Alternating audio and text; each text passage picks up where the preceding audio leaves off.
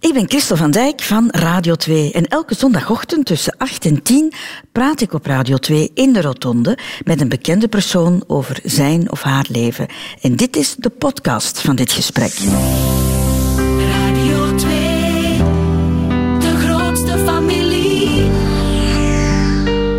Goedemorgen. Wij ontbijten vandaag in de Rotonde in Westende met uh, regisseur Dominique de Rudderen, de man van Crazy Love. En iedereen beroemd ook, hè, de film die in 2000 een Oscar-nominatie gekregen heeft. En de man die uh, nu een documentaire over Arno gemaakt heeft. En uh, ja, nu te zien op Canvas. Goedemorgen, Dominique. Wat een inleiding.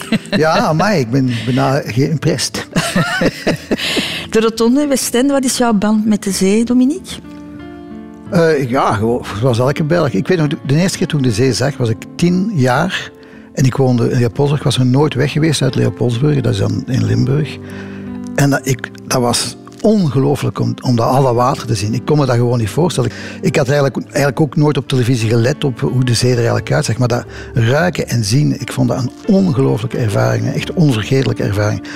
En dat is eigenlijk zo gebleven. Uh, ik heb eigenlijk ook altijd jeugdboeken gelezen vroeger over uh, helden, zeerovers en zo. En ik wou ook een zeerover zijn. Ik las die boeken hoe dat die in, die in die masten van de boten konden van de ene kant naar de andere. En ik wou dat ook. Dus de zee, en trouwens mijn broer is in de marine geweest. Dat moet toch wel eens in de familie zitten dat echt uh, met de zee te maken heeft. En een neefje van mij is een visser, professionele visser.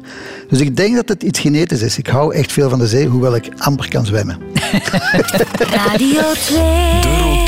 Met Christel van Dijk. Dominique Durderen, we hebben twee uur de tijd om uh, het verhaal van jouw leven te reconstrueren. Meer bepaalde afslagen die jij genomen hebt in die ondertussen bijna 64 jaar. Ja. Is het een mooi verhaal geworden als je erop terugkijkt? Op, op je eigen leven terugkijken vind ik wel ongelooflijk uh, uh, vervelend en moeilijk, uh, sowieso. Hè. Als ik terugkijk op mijn leven, is het een mooi verhaal geworden. Ik mag niet klagen. Ik, ik heb eigenlijk een fantastische vrouw en twee fantastische zonen geweldige zonen die ik heel graag zie. En kijk, meer moet dat niet zijn in een leven volgens mij. En als je dan ook nog, ik weet dat het al wel cliché is, en misschien zegt iedereen dat, maar als je dan erboven nog een beetje gezond kunt blijven, ja, meer kan je niet vragen. Met wat voor gevoel kijk je zo terug op, op, op, op jouw leven? Is, zit daar ook wat weemoed bij? Uh, nee. Dus gewoon, allee, wat dat betreft uh, ben ik een beetje zoals de man waar ik net een documentaire over gemaakt heb. Wat voorbij is, gewoon voorbij. En, en, daar denk ik gewoon niet meer aan. Uh, en, ik, probeer ook in het moment te leven. Ik vind dat eigenlijk de beste filosofie die je jezelf kan aandoen. Niet te veel aan vroeger denken, mijmeren. Ik had dit moeten doen, dit had zo moeten lopen. Of denken in de toekomst. Nee, ik probeer ook zoveel mogelijk te genieten van elk moment dat er is. Je bent een bekend persoon, Dominique. Uh, dat betekent dat jij een uh, Wikipedia-pagina hebt, hè, waar onder meer dit op staat. Dominique de Rudderen, Turnout, 15 juni 1957, is een Vlaams filmregisseur en scenarist. Ja, dat was een korte versie natuurlijk van Ja, dat was een fantastische pagina. pagina. Dat hadden ze gewoon een paginaatje moeten noemen.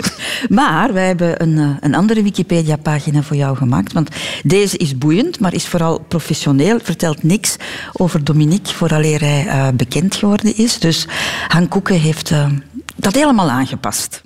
Dominique de Rudder is geboren op 15 juni 1957 in Turnhout en opgegroeid in Leopoldsburg. Kleine Dominique was de vierde in rij en een nakomertje. Broer Guido was maar al te blij met nog een klein broertje. Ah, het was uh, een, een actief baasje, dat weet ik wel nog. Het was een lief en een aangenaam kind eigenlijk. Ja, het was, het was een schatje. Een schatje met karakter, zo getuigt jeugdvriend Mark Didden, die als tiener vaak op bezoek kwam bij zijn oom en tante, die toevallig in dezelfde straat woonden als de familie de Rudderen. Hij was wel zijn tijd vooruit hoor. Dominique was op vijf, zes jaar een clever mannetje. Alles wat er nu in zit, zat er toen ook al in. Dus charme, humor, maar wat ik zeg ook een willetje. Een charmant schatje met een willetje dus. En dat willetje ging soms wel eens in overdrive. Zeker tijdens het tennissen. Een hobby waardoor Dominique van jongs af aan gepassioneerd was. Bekend broer Guido. En dat was precies McEnroe die op het plein stond. Zoveel kabaal en roepen en tieren, dat was uh, niet te doen. Dan moest je met een rode kop van het plein afgaan. En die Mac de Rudder met zijn speciale kop was ook ene Marcel van Tielt direct in het oog gesprongen toen hij als nieuwe leerling arriveerde in het ateneum te Leopoldsburg. En er was één jongen bij en die leek heel erg op Wim Sonneveld. En ik dacht dat de zoon van Wim Sonneveld bij mij op school zat. Maar dat was Dominique de Rudder. Die had zo'n hele ja, mooie, gebeitelde Griekse kop eigenlijk. Enfin, dus zijn we aan de praat geraakt en we zijn eigenlijk nooit meer gestopt met praten. We hebben heel veel straf gekregen. Zo organiseerde Dominique samen met Marcel artistieke brainstorm-sessies tijdens de lessen. Wij zaten altijd achteraan te tetteren tegen elkaar. We waren altijd plannen aan het maken voor eh, idiote sketches en radioprogramma's en films. Ik had dan een on- onschuldiger gezicht dan, dan Dominique. Want het was altijd de rubberen, zwijgen. Dominique kreeg altijd de schuld van de leraar. Misschien had hij de schuldige blik of kon hij het... eh, ja, zo goed die schijnheilig uithangen als ik dat kon. En voor die films leende Dominique de 16 mm camera van zijn oudste broer Jean Hubert, die dat op zijn beurt van zijn suikertante had gekregen, herinnert broer Guido zich. Zo, voor die tijd was dat al het van het. Dominic ging dan wel mee, zo, weet je wel, een beetje natuurfilms, salamandertjes en noem maar op. En, en zo kreeg hij die microben te pakken eigenlijk van het filmen ook. En hij was dan verknocht aan dat apparaatje. En op zijn vijftiende besloot Dominique zijn allereerste langspeelfilm te draaien, getiteld Oranje Licht. En daarvoor trommelde hij de hele school bijeen, weet Marcel. Alle jongens en meisjes die deden daar aan mee, die speelden daar een rol in, of die maakten kostuums. Ik zorgde voor de muziek, voor de soundtrack. Ik eh, allerlei ja, gepikte platen van, de, van andere films eh, die ik dan aan elkaar plakte. En ook Mark Didde had al heel snel door dat het pad van Dominique eigenlijk voorbestemd was. Van in zijn jeugd was al duidelijk dat hij een regisseur was. Hoe hij een spel organiseerde, hoe hij bij het voetballen of het basketten eh, bevelen gaf. Dominique ging studeren aan het Rits en stapte na één jaar over naar het Sint-Lucas te Brussel. In 1983 begon hij zijn carrière als filmscenarist voor Brussels by Night, een film van vriend Mark Didden. In 1987 nam hij dan zelf plaats in de regisseurstoel en maakte hij zijn eerste parel, Crazy Love. De start van een crazy carrière. And the rest is history. Herinneringen van andere mensen aan jou, Dominique? Ja, ja, sommige dingen kloppen, uiteraard, andere wat minder. Ik heb niet, ben niet de co-scenarist van Brussels Benijd bijvoorbeeld. Ik was wel assistent-regisseur van Mark. Het scenario is volledig van Mark. En ik kan me niet herinneren dat Mark mij ooit heeft zien basketten, maar hij heeft natuurlijk... en dat ik bevelen gaf, weet ik nog minder op het terrein. Ja. Maar dat, heel veel dingen kloppen natuurlijk, uiteraard. Collerig manneke.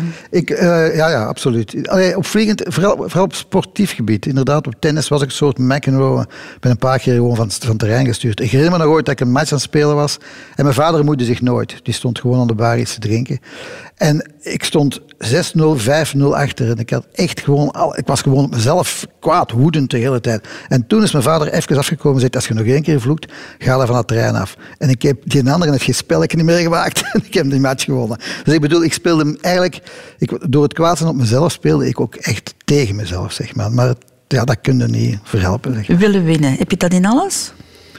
Ik, ik denk niet dat ik zover wil winnen. Ik denk dat ik perfect wil zijn, bij wijze van spreken. Ik wil goed spelen. Ik kon er bijvoorbeeld tegen om te verliezen, maar ik moest goed gespeeld hebben. Als ik slecht begon te spelen, dan werd ik kwaad. Ik werd ook alleen maar kwaad op mezelf. Dus ik denk niet dat ik een echt... Ik heb niet echt een winnersmentaliteit, vind ik, van mezelf.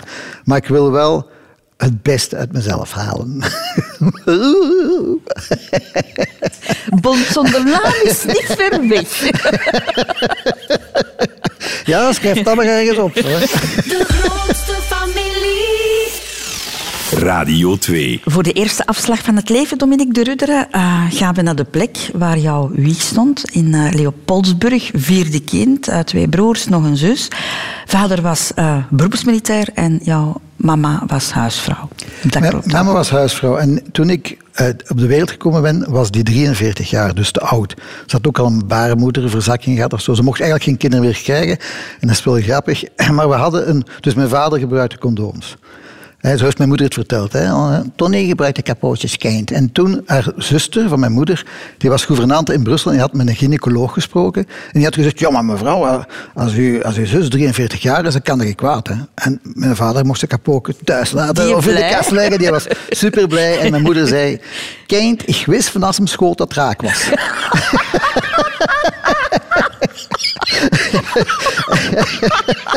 ja, mijn moeder kon stappig vertellen. En inderdaad, daar was ik dan. En ik ben dan eh, ter wereld gekomen met een keizersnede, maar dat allemaal... Hè, Met wat complicaties ook, dacht ik. hè? Het was ja, niet ik, zo- ja, ja, daar herinner ik mezelf natuurlijk niks van. Maar naar het schijnt kon ik niet recht zitten. Dus ik moest met ultraviolette stralingen. Mijn vader moest dan een bril opzetten. Ik heb het zelf nooit ge- gemerkt. Maar ik denk zelfs dat het een jaar of twee geduurd heeft voor ik echt recht zat. En ik kreeg fruitpapjes.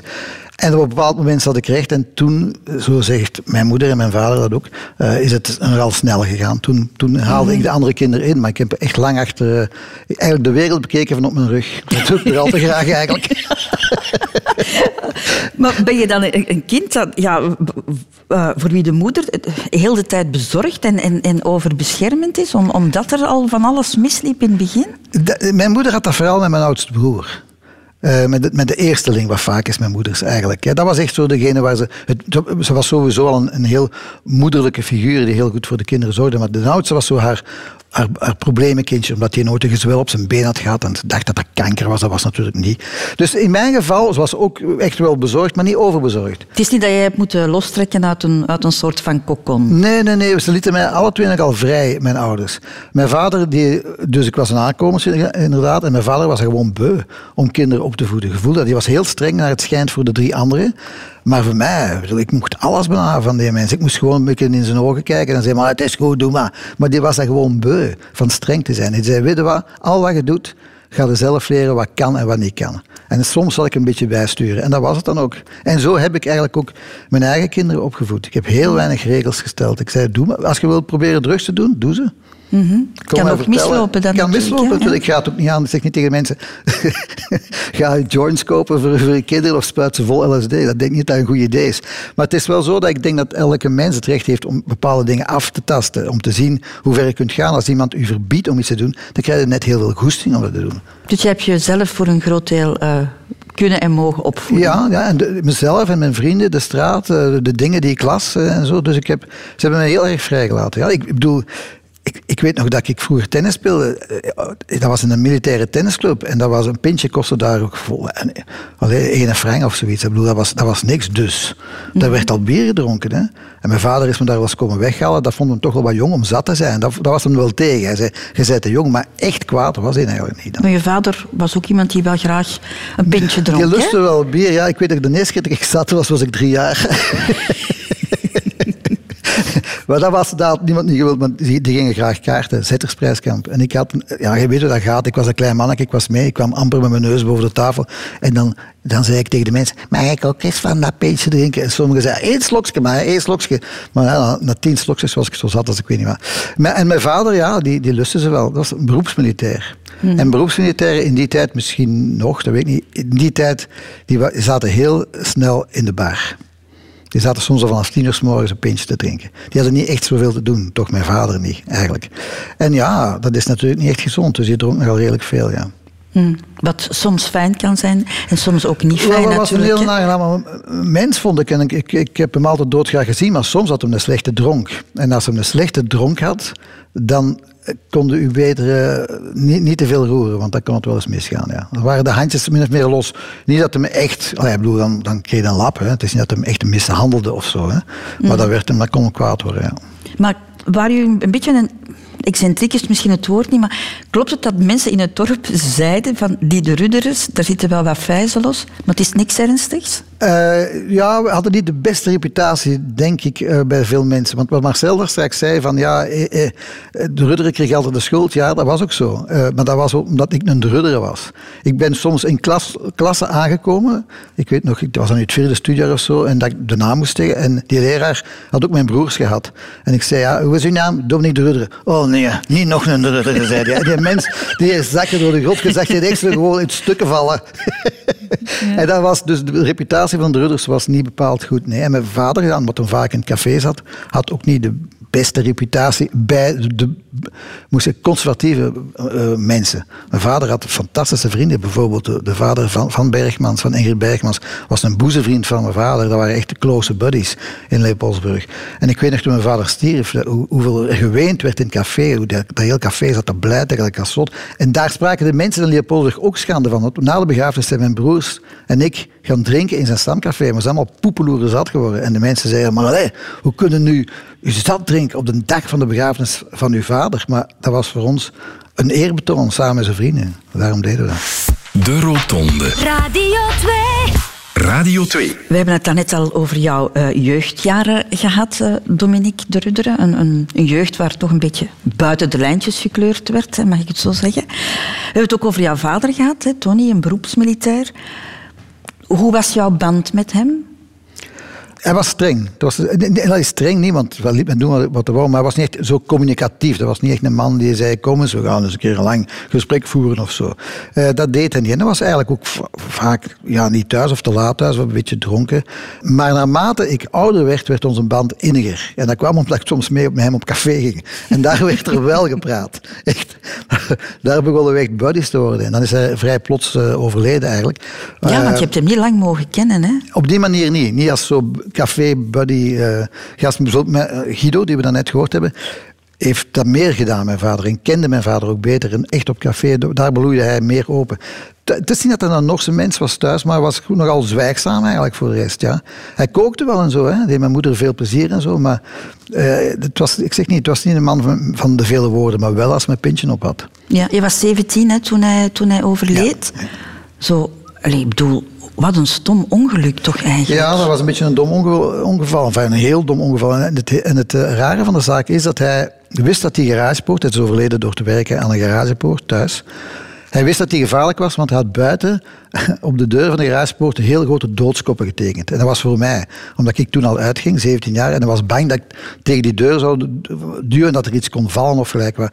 Dus dat, dat hing daar. Op het moment dat hij op een bepaald moment op een zondag, maandagochtend, paasmaandag, aan de poort eh, begon te werken, en is er een, een zo'n hengel, een hengel, daar waren we- iets losgekomen, dat is tegen zijn kop geschoten. En, en, eh, hij was niet op slag dood, maar ik lag boven in bed en ik, eigenlijk herinner ik me nog dat ik recht zat, denk ik, voor, voor de slag. Dat begrijp ik nog altijd niet goed. Zo is mijn herinnering.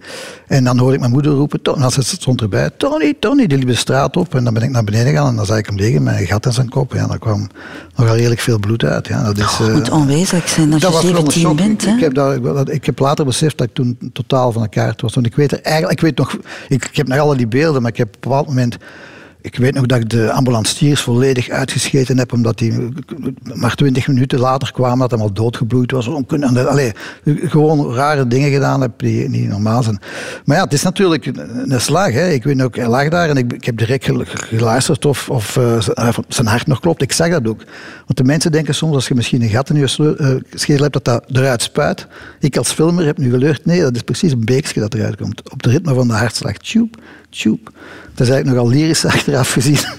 als je er lang 45 jaar later terug op kijkt. Maar eh, het, het was zeker en vast wel een schok, ja. En hij is eigenlijk doodgebloed. Hè. Je kunt daar niks aan doen. Er is een buurman nog gekomen.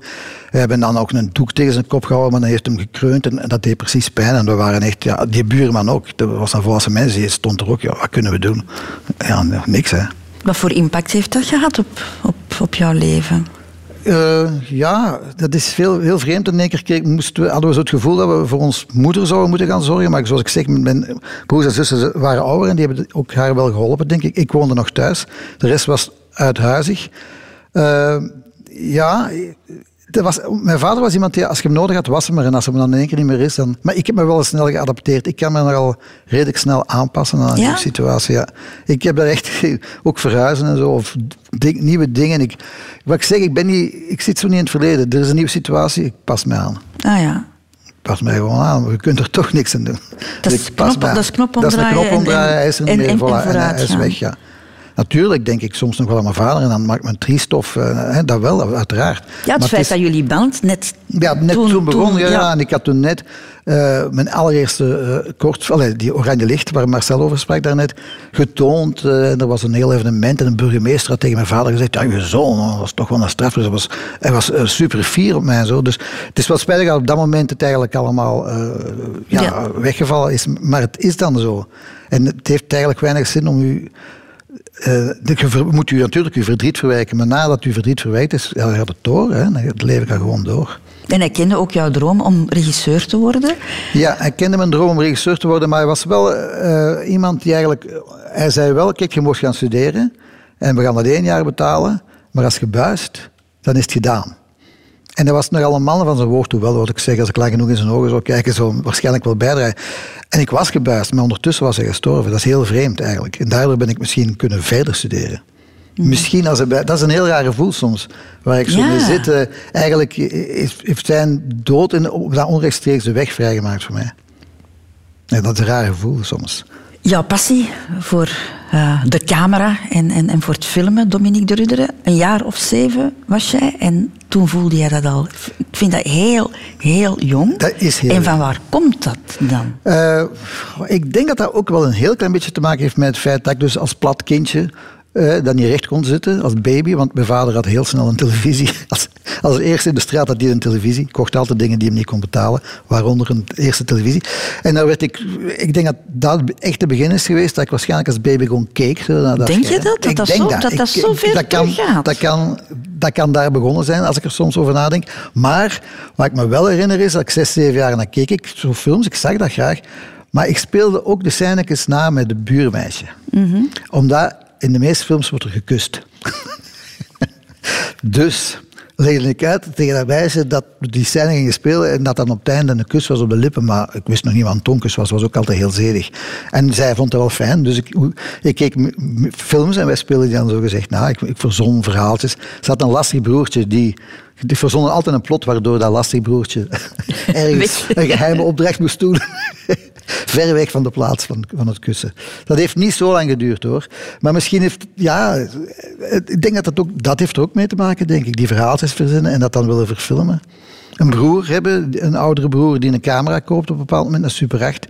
Daar willen mee spelen en niet mogen mee spelen van dat broer. Waardoor ik het nog meer zin kreeg om die camera in handen te krijgen. En dan op een goede dag toch, omdat een een meisje, ik ging dan in het bos vrij met een meisje, dan nam ze de camera mee en ik zei dan, als ik die camera, als ik die camera niet mag gebruiken, dan verhaal ik tegen ons ma dat jij hier in het bos komt vogelen.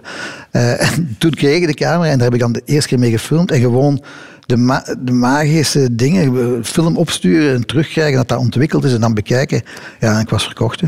Mhm. Wist je ook dat je daarvoor kon studeren? Dat daar een opleiding Nee, voor op die, bestond? die leeftijd, als ik zo jong was, wist ik dat eigenlijk totaal niet. Ik wist dat helemaal niet. Maar ik, toen ik eh, ouder werd, zo, de 15, 16 jaar, begon ik wel te horen dat... de- want toen had mijn broer zich willen inschrijven aan de RITS, de filmschool, toenmalige filmschool nog steeds.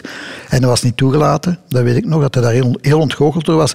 En ik denk wel dat die oudere broer ook wat dat betreft een invloed gehad heeft op mij, want ik ben dan uiteindelijk ook op de RITS gaan studeren. Eh, en ik wist dat die bestond doordat hij niet toegelaten was. En dan ga je daar studeren en dan zorg je ervoor dat je er niet door bent dat eerste jaar. Ja, ik was, er al, Hè? ja, Allee, ja, kom ja, ja, ik was er niet door dat eerste jaar. Ja, dat was omdat ik heel veel de oudere studenten ging helpen. Want dat, was- dat was eigenlijk een slechte filmschool toen de tijd.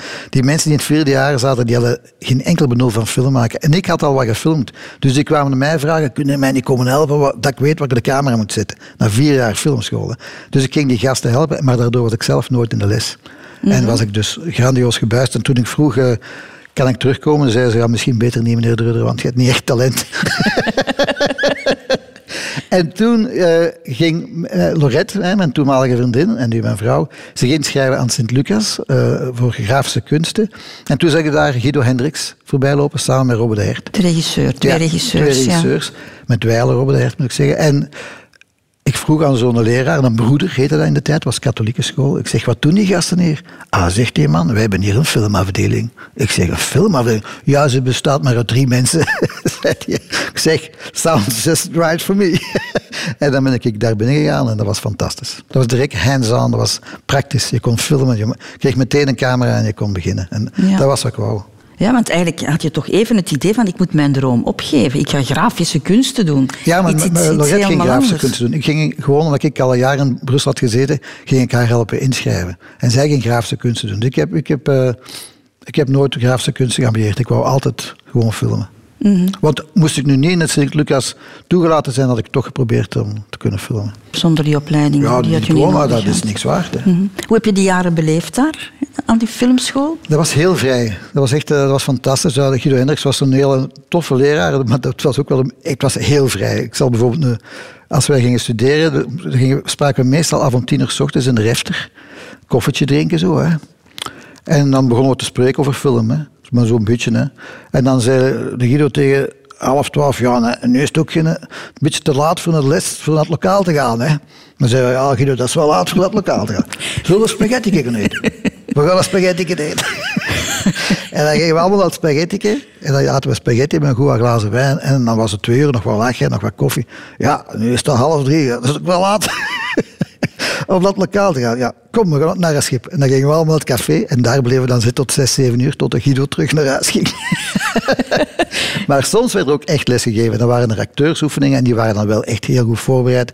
En dan begeleidde Guido dat heel goed. Maar het was ook heel vaak heel vrij. Ja, een soort an- anarchie bijna. zo Ja, een soort anarchie. Een ongelooflijke waren bijna geen regels. Maar er werd eigenlijk wel goed lesgegeven, als er lesgegeven werd. Is dat het, het milieu waarin jij het best gedijt? Zo? Ja, Was het geen regeltjes Dat je heeft vrij en- voelt, dat je, dat je niet de hele tijd moet regeltjes... En er komen in deze maatschappij hoe langer hoe meer regeltjes bij, de godganse tijd. En ze hebben niet allemaal met covid te maken. Hè. Ze hebben ook met, met al die... eh, en dat wat, wat ik een beetje... Of ik wil ook niet te, politiek gaan, maar, eh, de- ja, we worden puriteinser, hè. we worden conservatiever. Hè. En, dat, en het is vaak, zijn vaak de progressieve, re- de, re- de progressieve die regeltjes aan het maken zijn waar je mee akkoord kan gaan, de MeToo-beweging. Ik ben natuurlijk akkoord met de MeToo-beweging, maar uiteindelijk begint dat zo'n lawine van regeltjes te creëren. Er moeten, in filmploegen moet je tegenwoordig tellen, evenveel vrouwen als mannen, evenveel dit als dat. En zo werkt het niet. Dat is geen wiskunde, filmmaker. Of, voor mij pakt met een ploeg volledig uit vrouwen bestaan. Dat, ik vind dat fantastisch. Waarom niet? Je pakt gewoon de beste persoon voor de job. Dat ze daar eens mee stoppen met gewoon al die regeltjes op te leggen aan de maatschappij. Ik kan daar gewoon niet tegen. Het is veel simpeler dan dat. Er, er zijn maar twee soorten films, goede en slechte. En er zijn maar twee soorten filmmakers. Goeie, en ik bedoel ook met de ploeg, hè, want dat zijn ook allemaal filmmakers. Goeie en slechte. En je zoekt de beste eruit. Hè. Als je dan te veel regeltjes krijgt, probeer jij ze dan met de voeten Ja, te ik probeer daar ja? mijn voeten aan te vegen. En in, de mate van het mogelijke. Doe dat gewoon. Doe dat gewoon hè. Mhm. Ik vind dat echt zo flauw, dat getel. Heeft dat ook te maken met de plek waar jij opgevoed bent, Dominique, Leopoldsburg? Eh, als ik dat Marcel van Tilt, die ooit hier eh, ook geweest is, heb horen beschrijven, dat was bijna het Wilde Westen. Hè? Dat had iets Wilde Westen-achtig. hè. Ook hoe het, hoe het gebouwd is. Hè. Die hij zal ook uitgelegd maar op zijn Amerikaans. Hè. Rechte straat, dat is gewoon gebouwd voor de militairen. Hè. Ja. Daar waren bordelen. Redelijk veel voor de piotten. Er waren heel veel cafés, bijna niet als cafés. Dus ja, dat, dat is echt Wild West-achtig. Ja. Dat, dat was gewoon zo.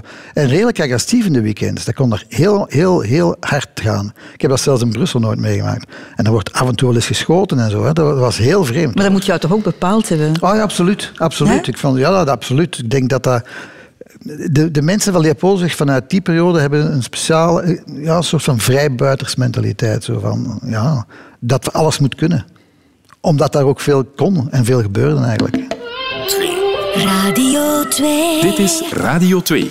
Dominique Drudere, net voor negen uur hebben we het gehad over, over jouw filmopleiding, jouw, jouw passie voor film. Hè. Je studeert dan af. Hè. Had je eigenlijk een concreet plan? Nee, ik had he- eh, geen concreet plan. Eh, dat is het juist. Op die leeftijd, als je dan 24 bent, ja, dan moet het beginnen natuurlijk. En ik had wel een paar stages gelopen en zo. En ik had ook wel een klein, een, een, een goed kort speelfilmpje gemaakt voor school. Maar ja, dat is moeilijk om, om... Maar het enige wat je kunt doen als filmmaker is start making movies. Hè. Dus je begint te schrijven. Ik denk dat dat eigenlijk... Hetgene, daar ben ik blij om dat ik dat, ik dat kan, eh, scenario schrijven. Ja, dat, dat in ieder geval de scenario's die ik schrijf ook verfilmd worden. Dus ik zal het wel min of meer kunnen, zeker. Want dan, anders ben je wel heel erg afhankelijk van, van wat, wat, men je aanbiedt. Dus dat was het enige. Ik had geen plan, ik ben gewoon beginnen te schrijven. En je bent eerst moeten gaan stempelen ook, hè? zoals heel, heel wat Ja, van, maar, van jouw... eh, van Dat de heb ik maar één dag gedaan. Ik ben maar één dag geweest. Omdat, ik ben zelfs niet tot aan het loket gegaan. Dat was eigenlijk een beetje... Ja, ik, ik, Lorette moest ook stempelen in die tijd.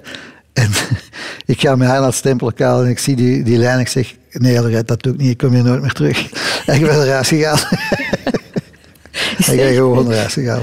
Ja, zonder centen. Zonder centen. Maar toen, weet je, en dan gebeurt er iets. Hè. Dan werd ik opgebeld. Ik was een cameraassistent, zoals mijn zoon nu. Eh, en dan, ja, dan kreeg ik toch eens een jobje links en een jobje rechts. En dan, en, en dan Lorette stempelde wel, gelukkig. Dat zij niet, niet zo die, Iemand die, die- fake trots had en dat zij tenminste verstand heeft en ik niet. En dus zij eh, ging wel stempelen, waardoor we toch het brood nodig hadden. Ja.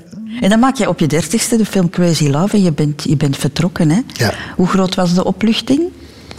Eh, ja, ik had gewoon het succes van Love niet verwacht hoor. Ik denk dat als succes je overkomt, dat was internationaal succes toch wel, je overkomt, dat is niet iets dat je verwacht, daar kun je gewoon ongelooflijk blij, blij om zijn. Ik, dat was echt, uh, plotseling gingen alle deuren open, overal. Hè, over, ook in, toen al in Los Angeles. Iedereen wilde bij mij werken. Sean Penn had me een film gezien. We gotta make a movie with Sean. En Madonna vond me, en noem maar op. Dat was allemaal... En ik, eigenlijk in die tijd, dat is zo'n andere tijd als nu. Als je nu de jonge gasten, die willen allemaal naar Hollywood. Maar in de tijd, als ik daar was, dat was 87, wij haten Hollywood. Wij wouden onze ziel per se niet verkopen. Ik wist zelfs amper wat een agent was, bijvoorbeeld. He, er waren agents, ik zeg, ja, nou, get, get away from me, I'm not doing this. Oh, this guy is crazy. Die, die gasten, die, wat is dat voor een mens? Die wil hier niet tekenen, die wil zich niet aanpassen aan ons systeem. Ik, ik wou gewoon films maken bij ons. Ik had absoluut geen ambitie om daar... Maar ik werd heel veel opgebeld. En er werd heel veel gevraagd in die tijd. Maar ik, ik had daar gewoon geen goesting in. Ik wou gewoon eigen films maken. ja ja, ja. Was het een opluchting ook? Zo van, zie, ik, ik kan het. Ik, ik heb niet, niet voor niks uh, die droom nagejaagd. Ja, dat is een opluchting. Hè. Ongetwijfeld, dat doet ongelooflijk veel deugd. Maar tegelijkertijd dan begin je aan een nieuwe film. Ik was toen al met Bandini. Tijdens de montage van Crazy Love begon ik al aan Bandini te denken. En dat ik John Fante gelezen en zo. Dus ik focus, focus mij gewoon op de, volgende, op de volgende film. En dat doe ik eigenlijk altijd. Als er reden af is, focus ik gewoon op de volgende film. En de vorige is vergeten. Wait Until Spring Bandini was dus jouw, jouw volgende film. Ook een succes. Maar dan komen er een aantal films, uh, Dominique, die het niet zo goed doen. Hè? Sweet 16. Sweet 16, um, Hombres Complicados. Ja.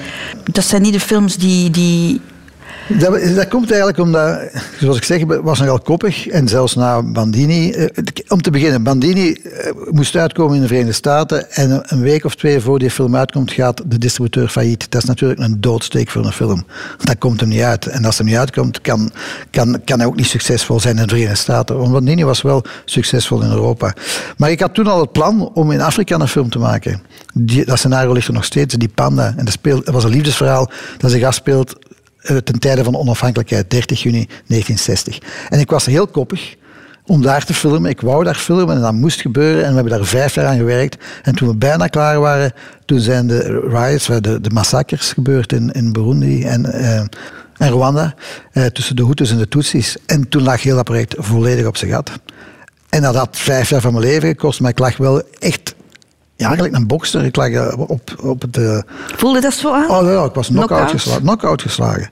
Want ik had daar vijf jaar van gedroomd en we, al, we, waren al locations gaan scouten in Afrika. We hadden alle contacten. We hadden een hoofdacteur, Jean-Hugues Anglade, die in de jaren tachtig een ster was in Frankrijk. Daar, Canal Plus was uh, volledig mee met dat scenario. En dan gebeurt dat. Ja, dat, dat, dat was, dat was pech brute pech. Wel redelijk veel pech gehad. ik, kan, ik kan ook geen klaagzak doen. Maar op zo'n moment is dat pech natuurlijk. En dan, is, dan zie je plotseling dat de bankrekening bovendien leeg is. En, en dan is er een scenario dat je wel ziet zitten, maar misschien niet... Maar er moet brood op de plank komen. En dan heb ik Sweet 16 gemaakt, waar ik niet op neerkijk hoor. Want ik vind dan nog wel een te doen film, maar die heeft niet zoveel internationaal succes gehad. In België heeft hij nog vrij goed gelopen hoor. Mm. En in Engeland was dat ook, uh, heeft dat ook een cult following gehad en zo. Maar dat is inderdaad niet echt dat je zegt, allee. Maar het is ook niet een flop. Maar er zijn toch magere, hè? de zeven magere ja, jaren. Ja, waren de magere jaren. Ja, want je hebt een appartement moeten verkopen bijvoorbeeld, ook, om die bankrekening Ja, omdat ik Hombres Complicados dan ook weer koppig wou maken.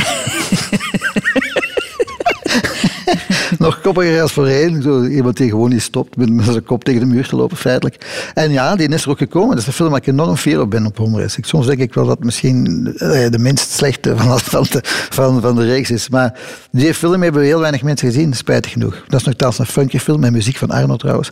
Uh, maar om een of andere reden eh, heeft, heeft hij niet aangeslagen bij het publiek. Ja. En dat waren magere jaren, absoluut.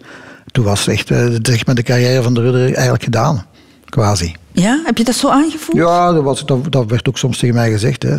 Het is voorbij, Dominique, het is voorbij. En toen heb ik eigenlijk iedereen beroemd geschreven en gemaakt. En toen was het toch weer niet voorbij. Nee, want dat is dan de film eh, die jou een Oscar-nominatie heeft, heeft opgeleverd. En toen begon het allemaal weer van voren aan. En een ticket ook naar, uh, naar L.A., waar we het straks gaan over hebben. Um, heb jij ooit getwijfeld aan jezelf in die periode? Ja, ja, absoluut. Ik twijfel altijd aan mezelf. Allee, dat is, dat is gewoon...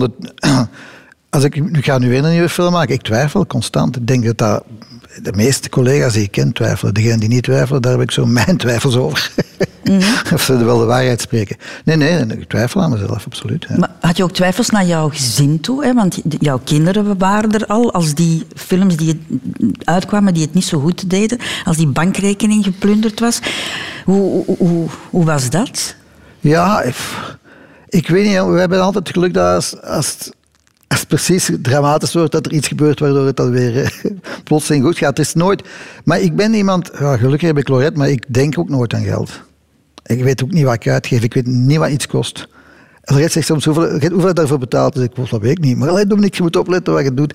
Dus ja, ik trek me er eigenlijk geen fluit van aan. En, en gelukkig eh, heb ik ook, je moet daarvoor geluk hebben, heb- is er nog nooit een moment geweest dat ik echt, echt in de penarie zat of zo. Ik heb, we hebben maar één keer in ons leven ooit dat we in een winkel stonden en dat we wouden betalen en dat de- alle kaarten niet werkten. En dat we, dat we paar...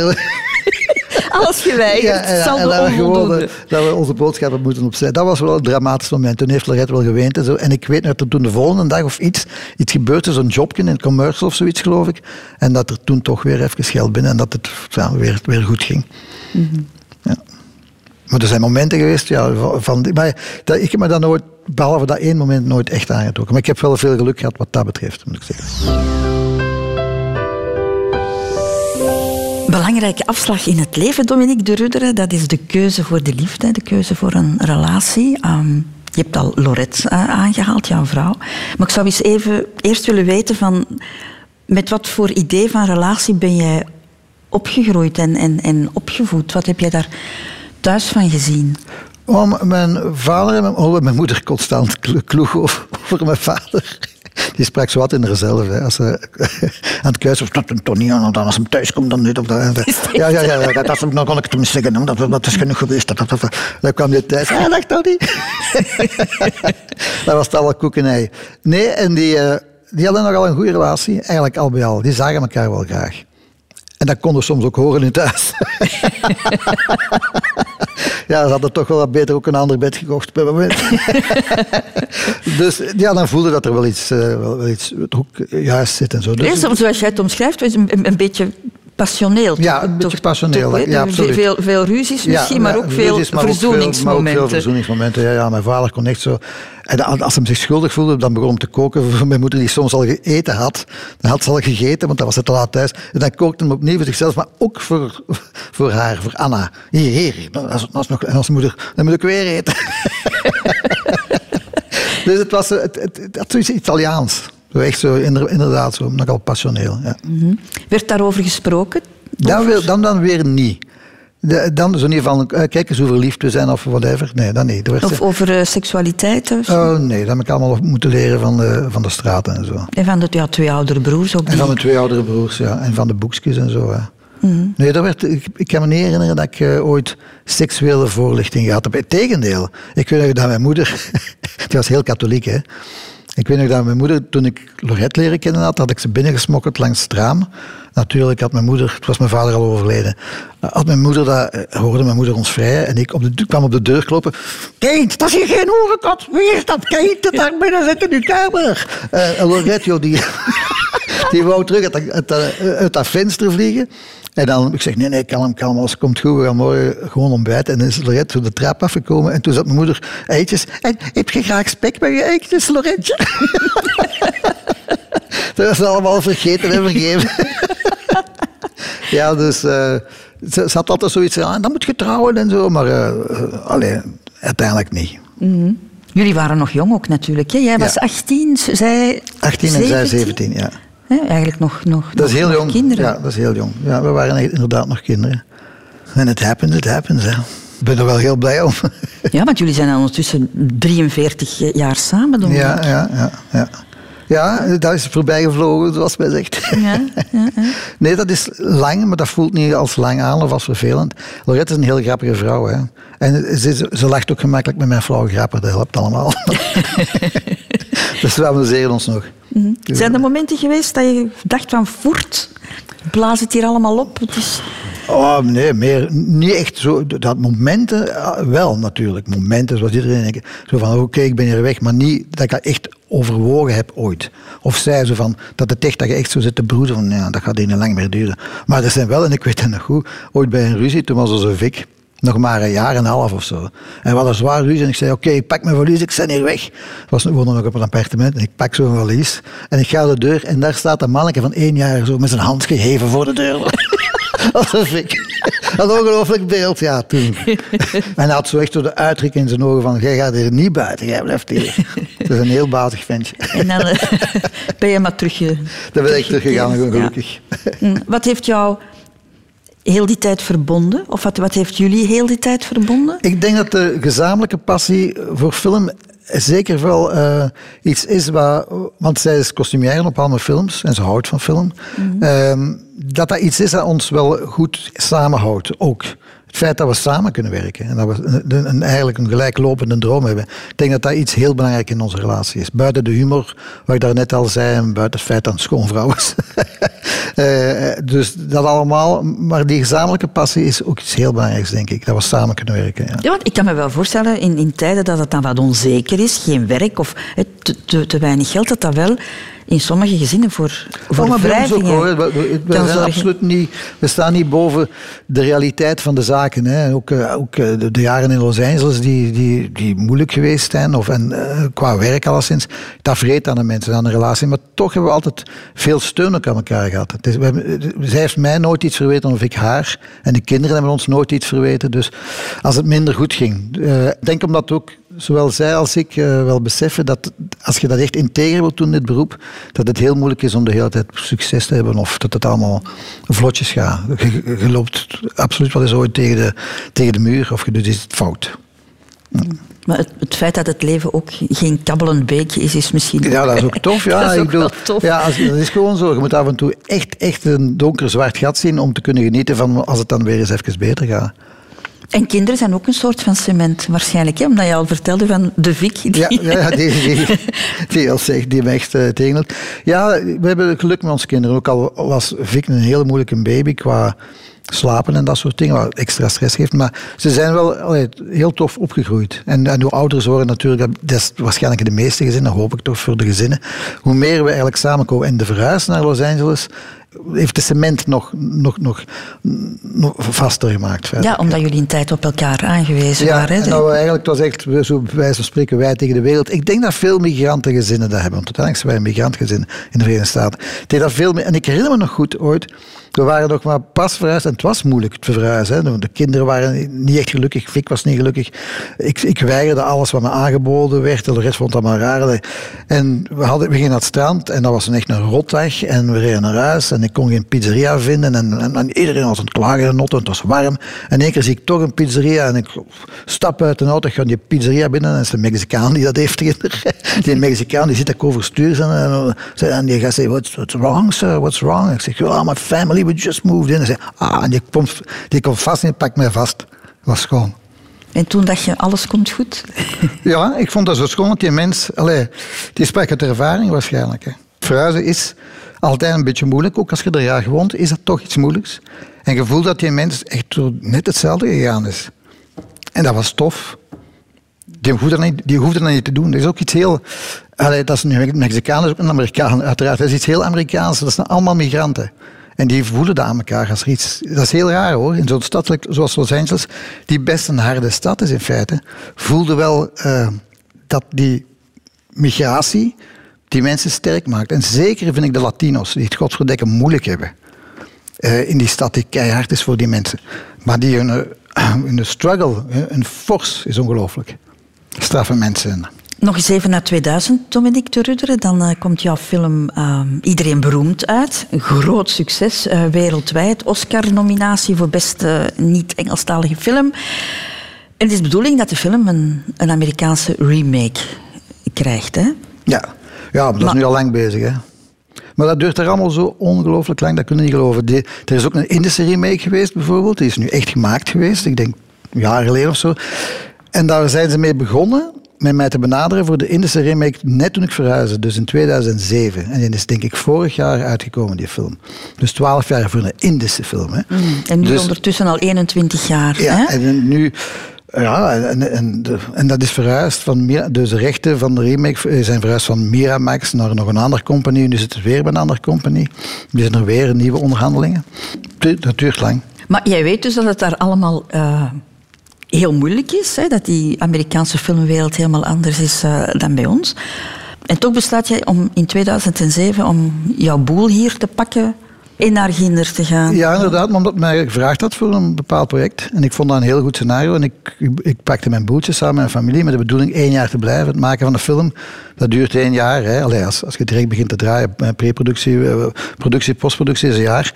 Dus voilà, we gingen voor een jaar zitten, dat was de bedoeling. En toen is er van alles misgegaan eh, met de film. En ook, ja, dan begonnen de, de, de writers, de scenaristen in Amerika staakten. Een lange, heel lange staking geweest. En toen die staking voorbij was, was het 2008. En toen was er de bankcrisis, waardoor in de independent filmwereld alle mensen die normaal investeren in independent films dat niet meer deden. En toen lag dat project op zijn gat. En toen zaten we daar al bijna een jaar en toen begon iedereen dat eigenlijk wel leuk te vinden en gewoon te worden. De kinderen hadden nieuwe vriendjes gemaakt en, en er waren ook wel weer nieuwe projecten. Ja, en dan zeiden we, oké, we blijven gewoon. Hè. Je ging normaal gezien maar voor één jaar. Waarom wou je dan per se dat jouw kinderen meegingen? Ja, Want dat is toch wel een zeer ingrijpende Ja, ik wil niet, eh, Lorette ook niet, want Lorette gaat- ook mee. Als ik ga filmen, gaat Lorette mee, maar ze is de kostuumdesigner. Dus wij wouden onze kinderen niet gewoon een jaar alleen laten, hè, bij, bij de grootouders of zo. Dat, dat, dat gaat niet. Hè. Dus we hebben wel aan hun gevraagd ook hoor. Eh, want anders zou ik de film dan niet gedaan hebben. Niet? Ja, dan zou ik het niet gedaan hebben. Nee. Maar ze zei, oh, tof avontuur. eh, Ja, meteen, want die waren 15 en 12. 15 en dacht ik. 12 jaar voor een jaar in Amerika. En, en, en oh, oh, oh, het surfen, dat gaat plezant worden. Ja, ja, en eh, ja, Beach Boy zijn en wat nog allemaal. American football spelen. En dat soort dingen. Dus ze zagen dat ook als een avontuur van een jaar en dan terugkomen naar, de vriendjes. Maar Vic had het in het begin heel erg moeilijk. Eh, Hij was 15 jaar en hij was verliefd op een meisje. En op een bepaald moment hadden we ruzie hè, in Los Angeles daarover. En hij zei, ja, maar ik was van plan met dat meisje te trouwen en je hebt dat allemaal kapot gemaakt. zei hij. 15 jaar, hè. Ik zeg, ja, als het zo zit, dan zal ik u een ticket betalen met kerstmis. Het was vlak voor kerstmis.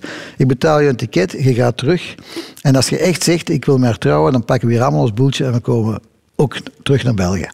Echt waar, papa? zei. Ik zeg, ja, echt waar. Hier, hier is uw ticket, ga maar. En toen is hij teruggegaan. En toen hij terugkwam uit- uit kerstvakantie, zei hij, ja, eh, het hoeft voor mij niet meer. Zeg, ik blijf hier. En hij is mee teruggekomen. En hij is gewoon teruggekomen. En toen is hem ook echt gebleven om te blijven. Zo. Ze zijn daar wel terechtgekomen in een heel andere wereld, hè, denk ik. Ook minder beschermd dan, dan hier. Ja, het waren, het natuurlijk kinderen die opgegroeid zijn in Brussel. En dat, is toch al, dat maakt toch al een kind een klein beetje streetwise. En, en, en, eh, en ze zien veel culturen en zo, verschillende culturen en zo. Dus het waren geen sissies, zeg maar, zoals hun vader, dat- die uit Leop, beschermd Leopoldsburg komt. Eh, maar één keer in Los Angeles gaat, is er nog wel een trapje hoger. Ja. Ik heb ze ook bewust niet in private schools eh, laten studeren voor twee redenen. Omdat ik tegen private schools ben. ik vind dat, Dat echt... zijn de eh, scholen waar je ja, serieus moet kost voor 30, betalen. Ja, hè? 30, 40.000 dollar per jaar per kind. Ten eerste heb ik het niet, maar ik ben er ook gewoon tegen. En Omdat je in een public school, een gemeenschapsschool, ja, de echte mensen tegenkomt natuurlijk. En, en, en dat maakt u klaar voor de maatschappij. Niet al die rijke, eh, rijke luiskindjes die, die, die, die met, met een chauffeur afgezet worden. En, en, dus eh, natuurlijk zijn die scholen, die gemeenschapsscholen, quite heavy. Hè? Daar zitten gangs. Eh, veel verschillende gangs. En, ja, daar is af en toe wel een beetje een ambras en zo. Maar Vic heeft dan American football gespeeld en werd echt benaderd om ook in gangs te komen.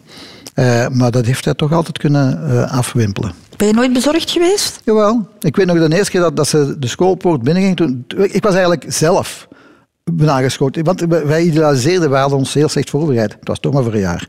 Maar eh, ik, ik zet hem af van Venice High School, Vic en dan, dan Louis. En ik zie al die kids van overal komen, die bussen, want dat zijn campussen waar 6.000, 7.000 kids naartoe gaan. Ik zie die allemaal zo binnenstromen, maar allemaal gekleurd. En daar heb ik niks tegen, want er zat geen ene witte tussen. Vic was echt in die school, samen met vier andere mensen, de enige vier, alleen vijf dan blanke. En dat is wel best intimiderend. En die kids, jongen, die zwarte gasten, die atleten, zo weten wel, wauw. je, voelde direct, oh la, dat is hier een heel ander level. En hij was daar ook, de eerste, na de eerste schooldag was hij ook helemaal kapot. Hè. Hij zei, ik kan hier niet blijven. En dat is, heeft zich geweldig goed aangepast. Louis is een beetje zoals ik, past zich heel snel aan en heeft dat wel heel rap gekund. Maar het was ja, wel wat hard in het begin. Maar ik vind ook dat hen dat ongelooflijk dat heeft van, van hen echt mannen gemaakt, vind ik. En er was, ik weet nog goed, vlak voor ik vertrok, zat ik in een talkshow en er was een, ik ben zijn naam vergeten, een Hollandse sportjournalist. En die zei mij dat, want zijn zoon had dat ook gedaan. Hij zei, je gaat zien, zegt hem, "Eh, daar in Amerika gaan nu kinderen mannen worden. En dat is ook zo. Dat klopte. Ehm, je bent daar naartoe gegaan met heel veel ambitie, met heel veel ideeën, pro- projecten. Hè. Ehm, er is een aantal dingen zijn, zijn tegengevallen. Hè. Ja, absoluut. Hoe, kijk je nu op, op die jaren terug? Dat, dat je, dat je daar, is dat nu goed geweest? Ja, kijk, het is, ik ging dus voor die ene film. Dat is natuurlijk spijtig dat niet doorgegaan is. Dan zijn we daar gebleven. eh, En dan krijg je natuurlijk je krijgt andere aanbiedingen. En die lukken dan ook niet. Maar ik was ook nog... Ik ben altijd een koppige geweest, zoals er net al gebleken is. Mijn manager en mijn agent noemden mij eh, Picky Didi omdat, omdat ik nooit iets allee, was, maar dat was allemaal rommel. Dat waren, ik, omdat iedereen beroemd een comedy is, een comedie is, gaven, die studios mij van die stomme comedies waar ik niet mee kan lachen hoor. Dus laat staan dat ik ze ga maken. Dat ging gewoon niet. Dat, dat, en dan er zijn zeker momenten geweest dat ik s'nachts in mijn bed lag en dacht ik heb hier een ongelooflijk domme fout gedaan. Ik had hier niet mogen blijven. Ik had moeten mijn boeltje terugpakken toen die ene film niet doorgegaan is en terug naar Europa gaan. Dat wel, dat heb ik, dat heb ik vaak gedacht. En wat heeft jou doen blijven? Dat toch wel fijn leven is daar. Heel, heel eerlijk, het is toch wel fijn leven daar, grofferdek. Als, nu, onze zoon die skype met ons en zo, allee, bijna elke dag. Gewoon, we hebben, hebben zo'n huis dat echt, allee, dat is precies een vogelhuis. De, gewoon de vogeltjes horen, hè, als ze met ons, als ze met ons aan facetimen is, die vogeltjes, zo, dan, de, dan krijg je direct heimwee. Er is zoveel natuur, er is veel meer natuur als men denkt.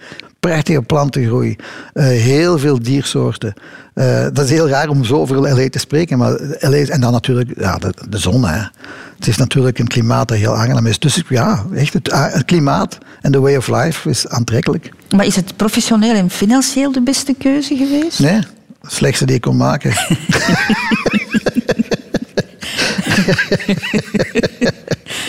Echt waar, zeer slechte keuze. En toch ga je terug. Ja, ik woon er graag. Ik denk ook, ik vind eigenlijk toch, de wereld is klein geworden, hoe het ook draait of keert. We kunnen allemaal in contact zijn met elkaar via het internet. En als we al eens een vliegtuig moeten pakken, zo erg is dat nu ook weer niet, hè, 11 uur vliegen. Eh, dus ik woon er graag, maar ik geef toe dat, dat de films die daar gemaakt worden, of degene die ik aangeboden gekregen heb, want ik heb op een bepaald moment gezegd tegen mijn agent, het heeft geen zin, je moet niks meer sturen, ik doe nu toch alleen mijn eigen dingen, dus ik doe alleen mijn eigen dingen. En ik geef toe dat wat ik schrijf is Europees, omdat ik een Europeaan ben. Het is Belgisch. Eh, ik, ja, ik kan niet, ik ben geen Amerikaan, dus ik, hoef, ik moet ook niet schrijven zoals een Amerikaan. Maar ik hoop wel dat ik hier films kan maken en daar wonen. Sommige mensen hebben dat natuurlijk niet graag. Ze zeggen, als je daar gaat wonen, gaat er dan ook maar werken. ik weet niet waarom dat moet. Waarom moet dat? Waar staat dat geschreven? Radio 2. De Rotonde. Dominique de Rudderen, je wordt in juni 64, hè? Ja. klopt, hè? bijna pensioengerechtigd. Ja. Ik herinner me nog als ik jong was, dan dacht ik zo, met pensioen dan ben je ook bijna dood. Hè? Ja, eh, absoluut. Nu denk ik er anders over, maar goed. Ja. Hè? Ehm, dus ik ga jou la- laten doodgaan. Dat is de laatste afslag Ja, die, die, die, die we gaan nemen. Die we gaan nemen, ja. De allerlaatste. Waar we allemaal doorheen moeten. En, hoe, hoe, hoe kijk jij daarnaar? Ah, oké. ik dacht dat ik in één keer al dood was. en daarom zweeg ik ook even. Eh, hoe kijk ik naar de dood? Ik, heb, ik ben daar gewoon fatalistisch. Voilà, when it happens, it happens. Eh, eh, ik eh, ben daar alleen maar bang van als ik te veel gedronken heb of zo, of ik een kater heb. Maar als, ik, als mijn zenuwen sterk zijn, zeg maar, dan ben ik daar niet bang van eigenlijk. Ik, nee, waaien. ik heb niet het gevoel dat daar iets slechts kan gebeuren. Ofwel gebeurt er niks, wat heel hoogstwaarschijnlijk is. En er niet zijn, dat doet geen pijn. Ofwel is er iets en ik kan me niet voorstellen dat er dingen zoals hel of whatever, of een soort van punishment zou bestaan. Want geen enkele mens heeft zijn eigen lot in handen. Niemand heeft zijn eigen karakter eigenlijk in handen. Dat is allemaal genetisch bepaald. Trouwens, als wij een ziel hebben, dan hebben alle dieren ook een ziel. vind ik. Wat, wat onderscheidt ons van de dieren? Niks, gewoon een klein beetje meer hersencapaciteit. Maar een ziel, alles zal wellicht wel een ziel hebben. En daarom heeft waarschijnlijk niks een ziel. of alles. Dus ik weet het niet. Ik ben, als je het religieus zou definiëren, ben ik een echte agnost. Iemand die zegt, eh, ik denk dat God niet bestaat, maar het zou kunnen dat hem wel bestaat. ik heb daar gewoon... Ik denk, Mogelijkheden dat openhouden. Ja, dat, voor mensen toch aan de zee denken, denk ik altijd aan een verhaaltje. En ik denk het in de Bijbel of in de kat. Ik heb het heel, als ik heel jong was gehoord, die man die over het strand wandelt en hij ziet zo'n kindje. En, dat- en dat kindje is met een emmertje water naar een putje aan het gieten. En die gast die vraagt, wat aan het doen? Ah, zegt dat kind, ik ben proberen de zee in dat putje te krijgen. En zo zijn wij, wij zijn dat putje. En de zee is misschien wat het is. Wat, de- wat, wat er nog, wat allesomvattend is. Wij kunnen dat nooit begrijpen, want we zijn daar te simpel voor. Je hebt dan ook geen schrik om ouder te worden. Jawel, hè. Maar niet om dood te gaan, maar wel oud worden vind ik niet prettig. Schrik is een, een zwaar woord. Ik vind oud worden pff, niet zo prettig, nee. Aftakelen is gewoon niet fijn, hè. Dingen minder goed kunnen of eh, spo- minder sportief zijn, minder krachtig zijn, eh, minder lenig zijn, eh, lelijk worden. Wat moet ik daar nu op zeggen, Dominique? Nee, nee, ik moet daar niks op zeggen. Allee, al die soort dingen, je kunt dat moeilijk Ik vind dat altijd zo raar. Mensen zeggen, ja, ik vind het heel fijn om oud te worden. Ja, daar geloof ik juist niks van. Het enige wat levenservaring is misschien het enige dat met oud worden kan gecombineerd worden als zijn, of ervaren worden als zijnde iets dat iets meer positief is. Ja. Maar ik vind het verlies aan, aan dingen wel spijtig. Ja zonder dat ik daar wakker van lig. Want het, is, het heeft geen zin om te vechten tegen waar je- Ik ben allee, plastische chirurgie of, of, of hulpmiddelen, dat zegt mij ook niks. Het heeft geen zin om tegen het onvermijdelijke te vechten. Pas je gewoon aan, buig.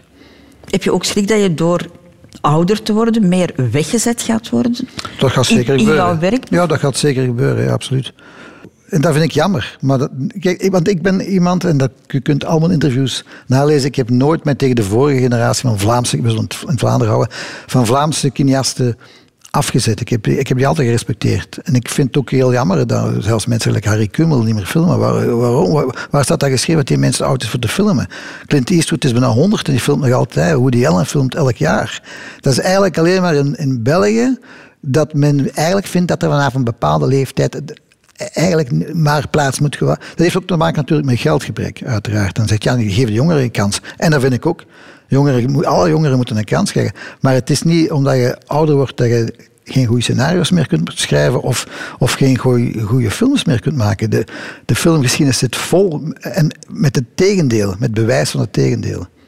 Dus dat is ook weer zoiets wat ze, hè, wat ze allemaal in nummertjes en in, in regeltjes proberen te vatten. Van ja, nu is het genoeg geweest. En daar word ik slecht gezind van. Zolang iemand goed functioneert, man, vrouw, weet, zwart of whatever, en welke leeftijd dan ook, zolang die, die persoon iets schrijft of wil maken dat het moeite is, laat dat dan ook gebeuren. Je hebt het daarnet over gehad dat je het niet fijn vindt om, om, om ouder te worden. Hè? Maar hoe ga je om met de aftakeling van mensen die je, die je graag ziet? Jouw, jouw moeder bijvoorbeeld, hè? die was eh, 84 Die was toen ze- 84, toen ze ja, gestorven ja, zat. die- ja, zat in een zorginstelling. Ja, eigenlijk met dezelfde manier waarop, waarop ik mijn eigen aftakeling bekijk. Dat je, er niks mee, dat je daar niks kunt aan doen. Ja, ik weet dat dat een heel simpel antwoord is, maar dat is ook volgens mij het enige juiste. Hoe kan ik omgaan met de aftakeling van iemand die ik graag zie, of iemand zoals Arno die, die, die ziek wordt, eh, of, of andere vrienden die... die of en ik zelf, ja, daar is niks aan te doen. Dat is part of life. Daar, daar, wat heeft dat voor zin om je daar druk in te maken? Je kunt dat niet veranderen. Was dat ook jouw reactie na, na haar dood? Van oké, ze heeft een, een, een mooi leven gehad, het, het is goed geweest. Ja, vond dat wel. Dat zei ze zelf. Hè. Mijn moeder, naar het einde toe, die zei... Kind, eh, als je... Want het was heel religieus, hè. Als je Jezus mij komt halen, is dan klaar. Ze had altijd zo'n gevoel voor dramatiek. Hè. Als je Jezus mij komt halen, is dan klaar. Ze zei ook altijd... Dat, dat zal ik maar niet zeggen. Was, Jawel, jawel. Als ze kwaad was op onze pa, zei ze altijd... Kind, ze mogen mij tegen de muur zetten en mij laten kiezen. Terug met Tony trouwen of doodschieten. Dat ze maar schieten. dat zei ze ook, als ze echt kwaad was. Maar, eh, nee, eh, dus ik heb me daar niet tegen verzet. Het is gewoon, ja, dat is triestig. Een treurig moment natuurlijk, je ouders verliezen. Ja, en, en als je dan plotseling, dan ben, dan ben je plotseling een weeskind. Hè? wel, een, wel een ouder weeskind, maar je blijft toch wel even een wees. Je hebt zo... Maar het feit dat zij ook eh, zich verzoende met haar, alhoewel ze niet ziek was, ze was kerngezond, maar ze is ook plots ges- gestorven.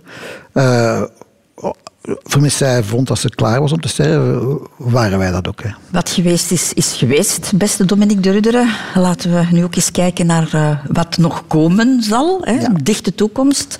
Nieuwe film The Chapel. Film die zich afspeelt eh, achter de coulissen van de Elisabeth-wedstrijd. Ja, die, die, zoals, het, zoals de titel al laat vermoeden, hè, in de kapel. Dus het is een, een film. met- Sommige mensen denken dat hij over de Koningin Elisabeth-wedstrijd gaat, maar dat is niet zo. Het speelt zich inderdaad af. Het is een psychologische thriller tegen de achtergrond van de Koningin Elisabeth-wedstrijd. Het gaat over een meisje dat meedoet aan de wedstrijd en, en eigenlijk tijdens de isolatie in de kapel, want die deel 12 finalisten worden geïsoleerd, mogen geen enkel contact met de buitenwereld hebben. En tijdens de isolatie in de kapel komen traumatische herinneringen uit een donker verleden terug naar boven. En dat kind begint geleidelijk aan eh, te flippen. Het is een beetje eh, Black Swan-achtig. eh, om, een- om een beetje familie, om de richting aan te duiden. Het is natuurlijk niet een film zoals Black Swan, maar het is een beetje familie, verre familie. En daar ga je binnenkort Ja. beginnen draaien. Ja. En eh, verdere toekomst? Oh ja. Kijk, want ik heb, daar, ik heb de laatste tijd niet veel gefilmd. Hè, want de laatste film, allee, dus de documentaire is niet meegeteld. De laatste film is van 2014, als ik me niet vergis, Flying Home. Dat is dus een hele tijd geleden. En mensen denken soms dat je niks gedaan hebt in die, in die acht jaar. Maar ik heb verschillende scenario's gewoon klaar liggen nu. Eh, en, en als je zo zegt, denk je niet dat je oud dat mensen gaan zeggen, hij wordt stilletjes aan oud, moeten we niet stoppen. Maar ja, wat kan ik doen? Ik heb nog zeker vier, vijf scenario's liggen. Die moeten allemaal gemaakt worden. Hè? Want ik ben koppig, dat hebben we nu al gemerkt. Nog niet. maar het is een, een plezante koppigheid. Ja. Ehm, dan ga ik ook nog iedereen warm maken eh, voor die documentaire van, eh, over Arno die jij gemaakt hebt. Een driedelige documentaire. Volgende week dinsdag de derde eh, aflevering daarvan. Maar nog volledig te herbekijken op VRT Nu. En een echte aanrader. En ik meen het. Ah, dank. Dominique de Rudder, het was heel fijn om jou hier aan de tafel te hebben. Ik heb heel veel gelachen op een zondagochtend tussen 8 en 10. Het was een mooi begin van, van deze dag. Jullie ook Dank- bedankt. Dank je wel daarvoor. Dank u wel. En er is er nog één ding, en dat is het, dat is het gastenboek, Dominique. Het gastenboek. Ja. Oké, ik was even vergeten dat ik dat ook moest voorlezen. Maar bon, ik ga toch lezen wat ik geschreven heb zo- zonder bril. Hè. Kan maar moeilijk worden. Oké.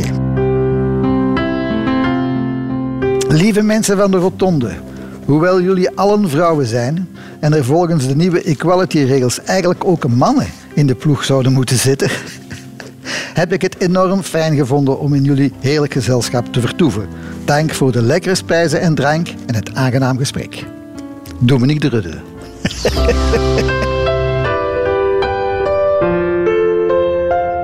Radio 2. Heb je genoten van dit gesprek? Wel, beluister dan zeker ook de andere afleveringen van de Rotonde. En nog meer podcasts van Radio 2? Ook de rechtvaardige rechters vind je in je podcast-app.